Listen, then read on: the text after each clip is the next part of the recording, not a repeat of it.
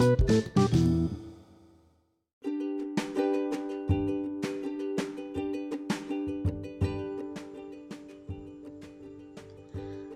semuanya, di sini Aisyah bakal sedikit sharing informasi tentang strategi penelusuran informasi mengenai sebuah koleksi secara efektif dan efisien melalui online public access catalog atau yang sering kita dengar dengan OPAC.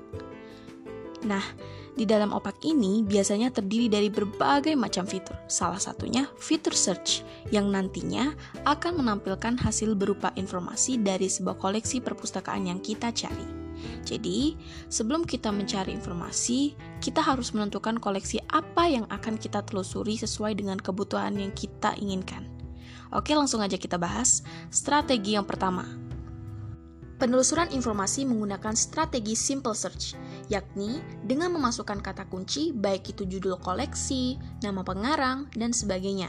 Misalnya nih, kita mau cari informasi tentang pendidikan, maka kita hanya perlu memasukkan kata kunci seperti pendidikan, dan nantinya opak akan menampilkan informasi sesuai kata kunci yang kita masukkan. Strategi yang kedua, penelusuran informasi dengan menggunakan strategi penelusuran lanjutan. Yang membedakan antara simple search dengan penelusuran lanjutan ialah terletak pada penggunaan kata kunci. Simple search memasukkan satu kata kunci saja, sedangkan penelusuran lanjutan menggunakan kata kunci berupa informasi yang lebih spesifik. Ingat ya, lebih spesifik. Seperti memasukkan judul, subjek, tahun terbit, pengarang, dan sebagainya.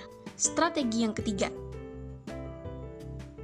Penelusuran informasi menggunakan strategi logika boolean seperti and, or, not yang diletakkan di antara dua atau lebih kata kunci. And untuk menampilkan dua atau lebih istilah yang dicari, or untuk menampilkan seluruh hasil penelusuran yang menjadi istilah carian, dan not untuk membatasi informasi yang ditelusuri. Pada intinya, kita harus menentukan koleksi yang akan dicari, kemudian tentukan kata kunci, dan mulai menelusur baik dengan strategi simple search, penelusuran lanjutan, maupun logika boolean.